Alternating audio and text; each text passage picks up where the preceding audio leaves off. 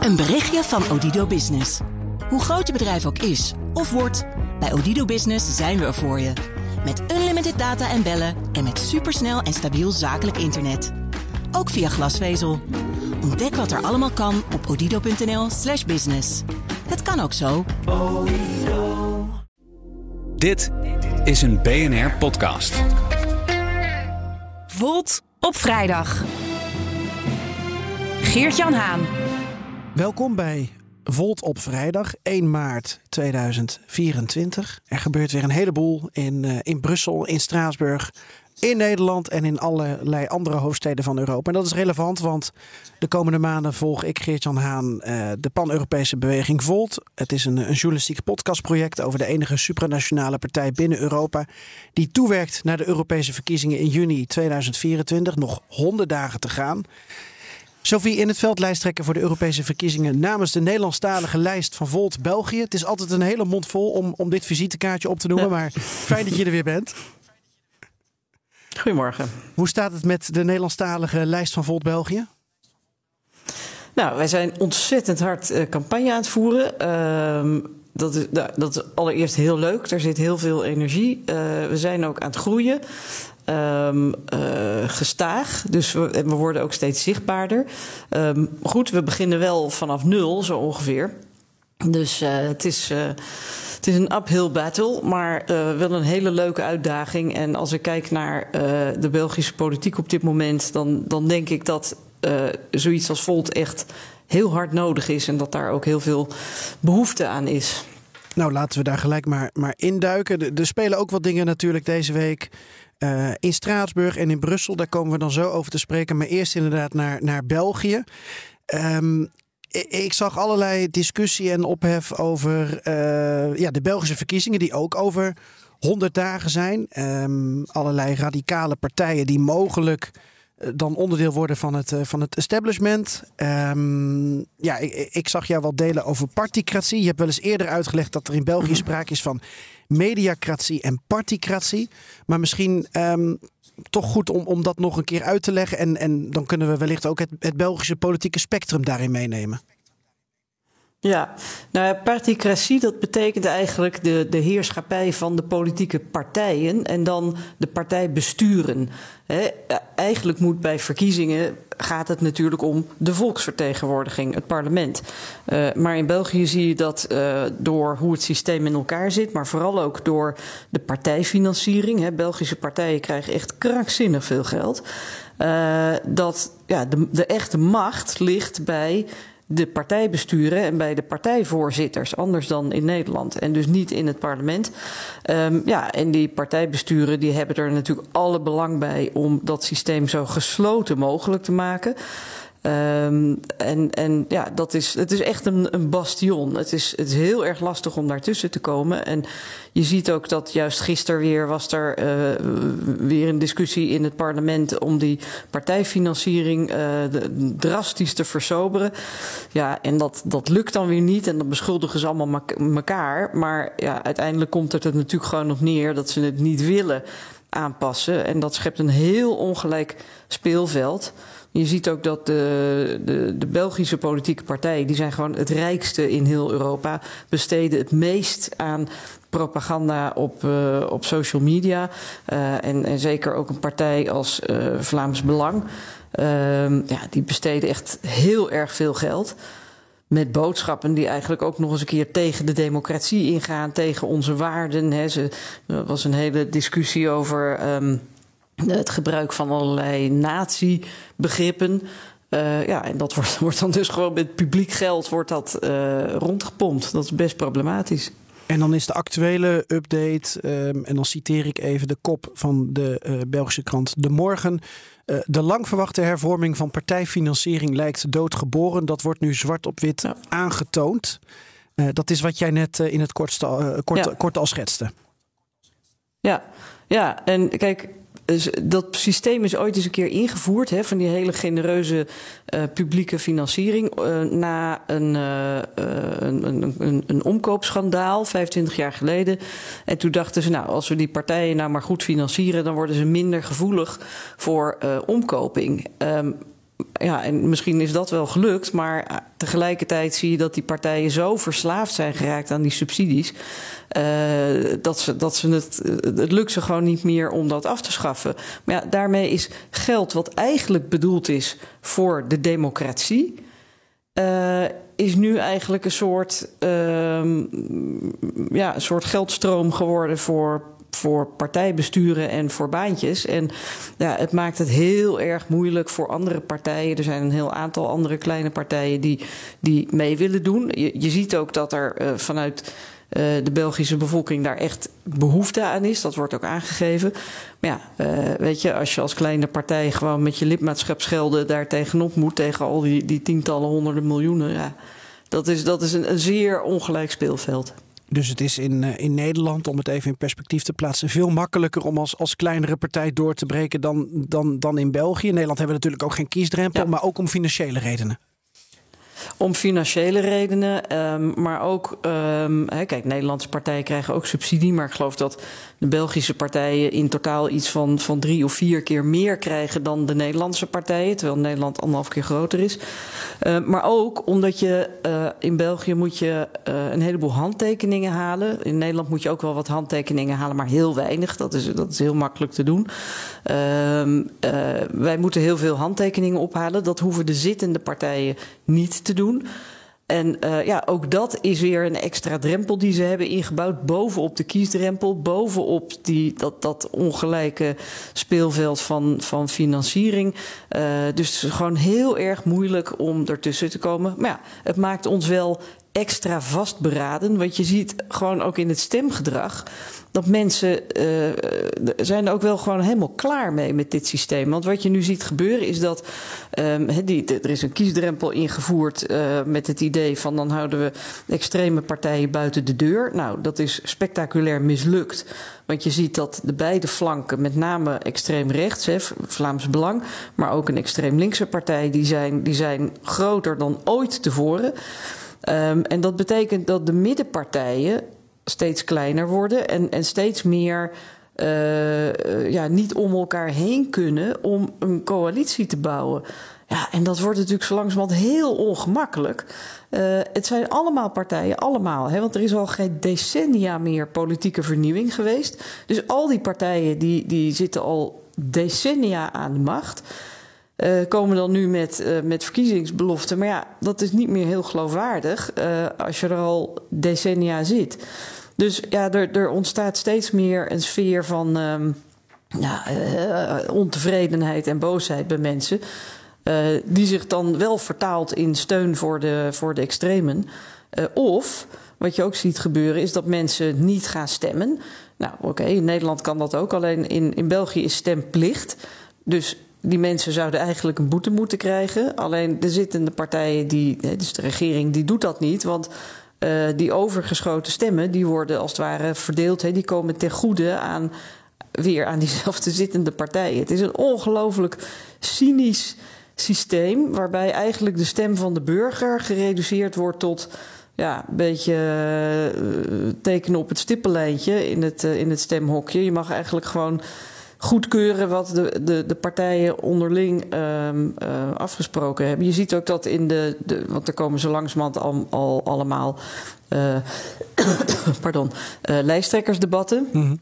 En dan zijn ze eigenlijk al bezig om, om de buiten te verdelen. Ze zijn nu al bezig met, ja, als het ware, on, te onderhandelen over wie met wie een coalitie gaat vormen. Terwijl je denkt, jongens, zullen we eerst even de verkiezingen doen? Het is maar een detail, maar. Ja, dan doel je ook op dat uh, Bart de Wever van, van de NVA bijvoorbeeld zegt... ja, uh, een, een, federale regering zonder Vlaamse meerderheid... dan, uh, dan, dan doen wij ook niet mee ja. bijvoorbeeld. Dus de deur openzetten naar, naar Vlaams Belang. En dan ga je toch ja. gelijk denken... Um, Oké, okay, we hebben het vaak in Nederlandse media over landen waar um, uh, ja, wat radicale rechts aan het doorbreken is. Dan hebben we het over Slowakije. We kijken naar, naar Orbán. Um, we hebben Polen gehad. Uh, de winst van, uh, van Wilders. maar -hmm. België hebben we niet echt vaak op ons netvlies. Dat is waarschijnlijk ook omdat van die onmogelijke coalities dan worden gebouwd. Zoals nu de Vivaldi-constructie. Maar waar gaat België op afkoers? Ook in, in Europees perspectief? Ja, dat is... Ja, we zullen het zien. Kijk, Bart de Wever die zegt, uh, die zegt van uh, ik ben bereid, of ik, ik, ik, ik kan overwegen om in de Vlaamse regering een coalitie te gaan maken met extreem rechts, met Vlaams Belang. Uh, maar dat zegt hij eigenlijk een beetje om druk te zetten op de andere partijen, de middenpartijen, zodat ze hem niet opnieuw buitenspel zetten bij de vorming van een federale regering. Hmm. Uh, het, is allemaal vrij complex. Ik zal niet proberen om het uit te leggen. Maar um, het probleem is dat, uh, zeg maar. Vlaanderen is grosso modo een stuk rechtser dan Wallonië. Um, en, en ja, maar je moet dus op federaal niveau moeten die twee kanten moeten wel een regering vormen. En uh, bij de vorige regeringsvorming is de NVA van Bart de Wever is eigenlijk, uh, die, kwam er niet tussen, die is buitenspel gezet, daar is hij heel boos over. Uh, omdat nu de Vlaamse partijen die in de federale regering zitten, in Vlaanderen geen meerderheid hebben, als je het nog kan volgen. Ja. Goed, hij probeert dat nu een beetje af, ja, hij probeert dat nu een beetje af te dwingen door te dreigen uh, om, om met uh, Vlaams Belang een regering te gaan vormen op Vlaams niveau. Um, maar ja, dat is wel, A, is het gewoon heel lelijk, hoewel een deel van zijn achterban, hè, dit is net een beetje als bij de VVD, een deel van de achterban uh, ziet dit prima zitten, hè, ongeveer 6 op de 10 uh, NVA-stemmers. Uh, maar een deel ziet het ook absoluut niet zitten. Dus ja, hij, hij riskeert ook wel een beetje zijn eigen partij daarmee uh, diep te verdelen. En um, ja, maar het, uiteindelijk, stel dat, stel dat hij dat dreigement niet doorzet, dan ja, is het toch eerder waarschijnlijk dat je op federaal niveau opnieuw dezelfde moeizame formatie krijgt en dezelfde moeizame coalitie die opnieuw moeizaam vier jaar doorkomt en niks hervormt. Ja, en dat is iets wat, waar, waarvan heel veel mensen zeggen: ja, maar dat, dat kan gewoon niet meer. En daarom is het zo zuur dat de zittende partijen zo dat hele partijenlandschap hermetisch gesloten houden voor, voor vernieuwing. Hè. Ze zijn zo angstig voor een beetje concurrentie, terwijl een beetje zuurstof in dat landschap, een beetje beweging erin, uh, dat maakt ook weer dat, dat uh, die, die partijen zelf in beweging moeten komen en dat er misschien wel andere uh, allianties mogelijk zijn. Ja. Ik denk dat dat voor de democratie en voor de burger heel gezond zou zijn. Nou, toen wij elkaar in Straatsburg begin oktober spraken en je aangaf, ik ga meedoen voor Volt België, toen, toen zei je ook volgens mij, er is wel electoraal uh, ruimte in België uh, voor Volt België. Uh, ruimte voor mij, ruimte voor um, het midden, links-liberaal ja. gedachtegoed. Maar dan moet je er wel mm -hmm. tussen komen. En er is dus ruimte, ja. maar er is geen zuurstof in de ruimte voor jou. Zo lijkt het een beetje. nee, het is, het, nou, het is een enorme uitdaging. Hè. We hebben tot, uh, tot 12 april uh, om al die duizenden handtekeningen op te halen. Um, en dat is, ik, ik zie andere kleine partijen daar, daar ook mee worstelen, waarbij we bovendien uh, te maken hebben met het digitale platform waar je je handtekening moet zetten, werkt heel slecht. Oh. Uh, daar zitten allerlei technische dingen in en bovendien zijn mensen gewoon niet geïnformeerd. Dus we hebben daarover al eens een keer geklaagd bij de minister. Want ja, in België is in tegenstelling tot Nederland is er geen kiesraad of zoiets. Hè. Er is niet een soort onafhankelijke instantie. Je moet naar de minister. Maar ja, die zit daar ook namens een politieke partij. Um, dus maar goed, we zullen dat uh, opnieuw gaan aankaarten. Want uh, ja, het is gewoon wel heel, heel storend.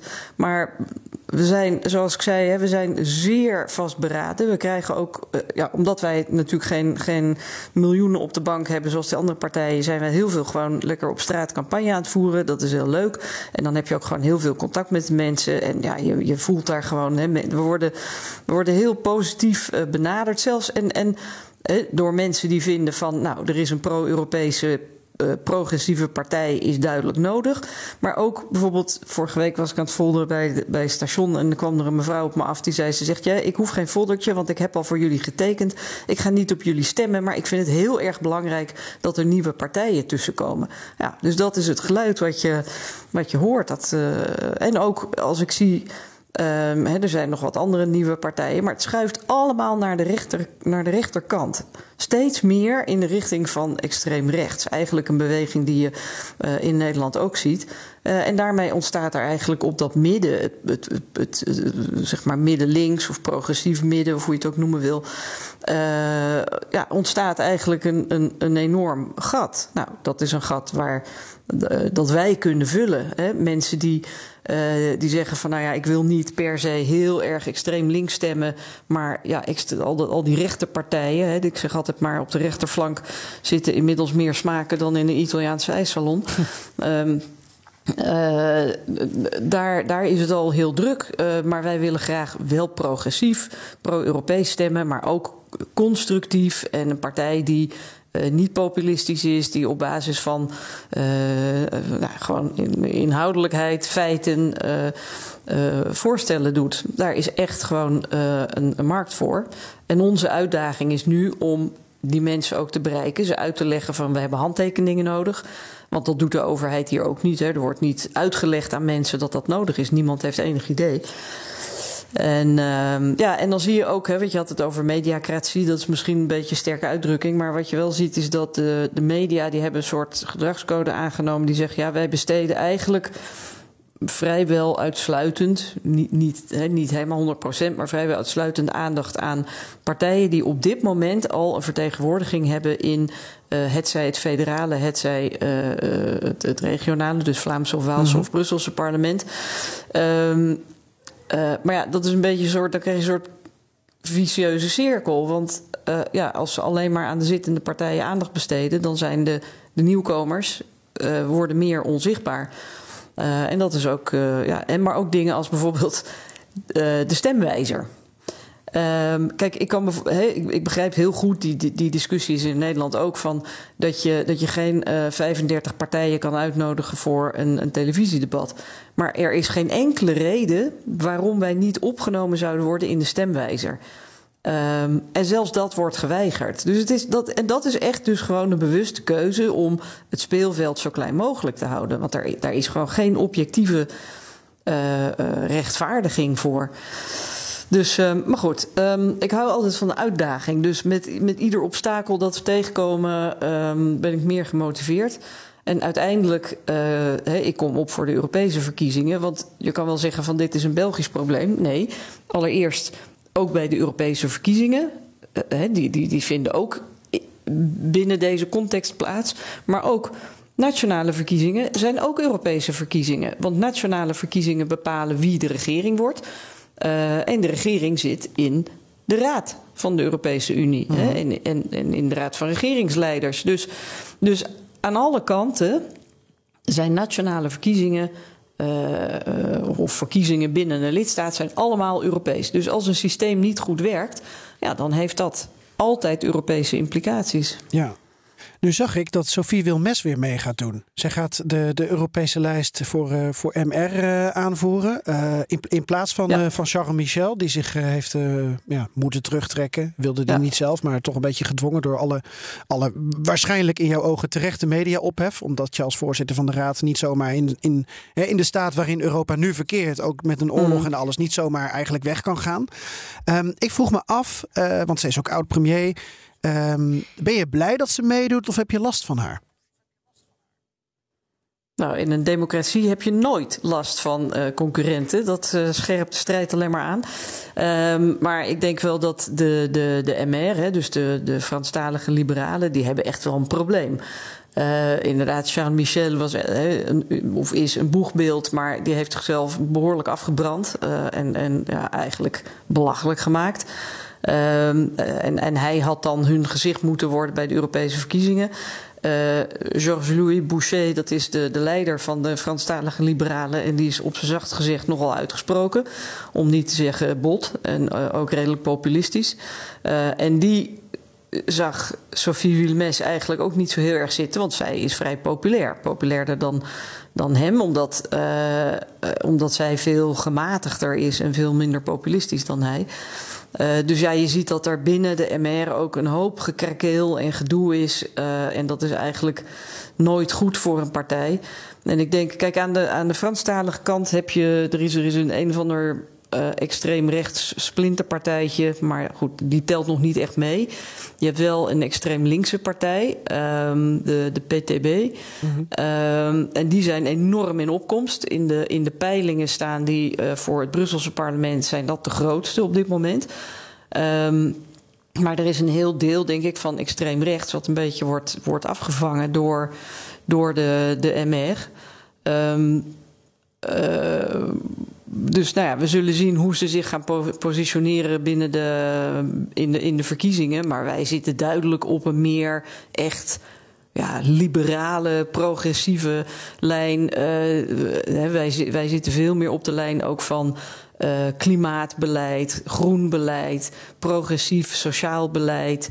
Um, uh, pro-Europees. Uh, de, de, de, MR heeft zich onder leiding van Boucher echt heel erg geprofileerd als een beetje de, de vroom-vroom-partij van de grote bedrijven. Oh. Uh, en, en daar was eigenlijk, ja, en ook erg anti-migratie en zo, heel erg op de rechterflank.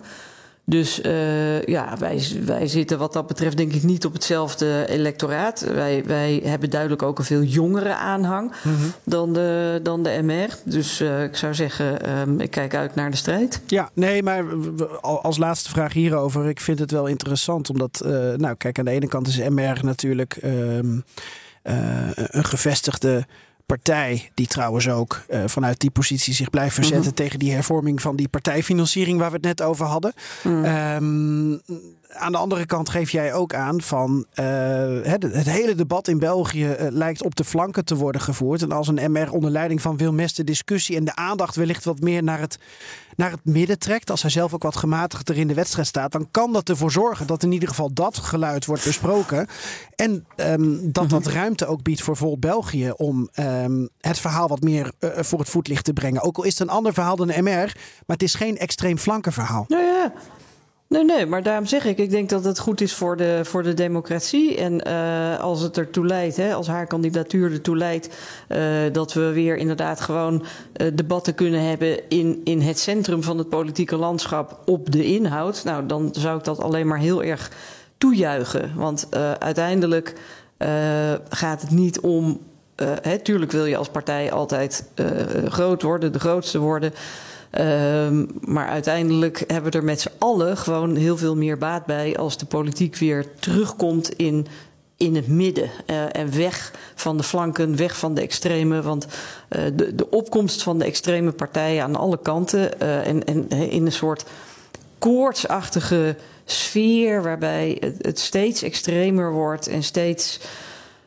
Uh, ja, ook steeds meer losgezongen van de werkelijkheid. Uh, uh, ja, ik vind dat wel heel zorgwekkend. He, je ziet in Nederland ook.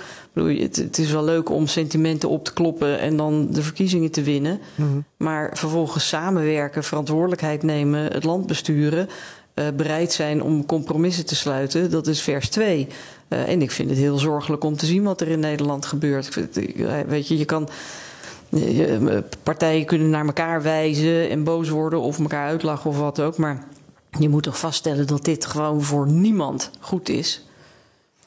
We hebben voor, voor Nederlandse mediabegrippen ongekend lang over Belgische politiek uh, gesproken. Ik hoop dat mensen in ieder geval er wat van leren. Want er gebeurt zoveel bij onze zuidenburen. Maar ja. wij, letten, wij letten op elke ontwikkeling in Georgia en Wisconsin. Maar wat er bij jou gebeurt, dat, ja. uh, dat laten we wat vaker ja. links liggen. Dus ik hoop dat dit helpt in ieder geval.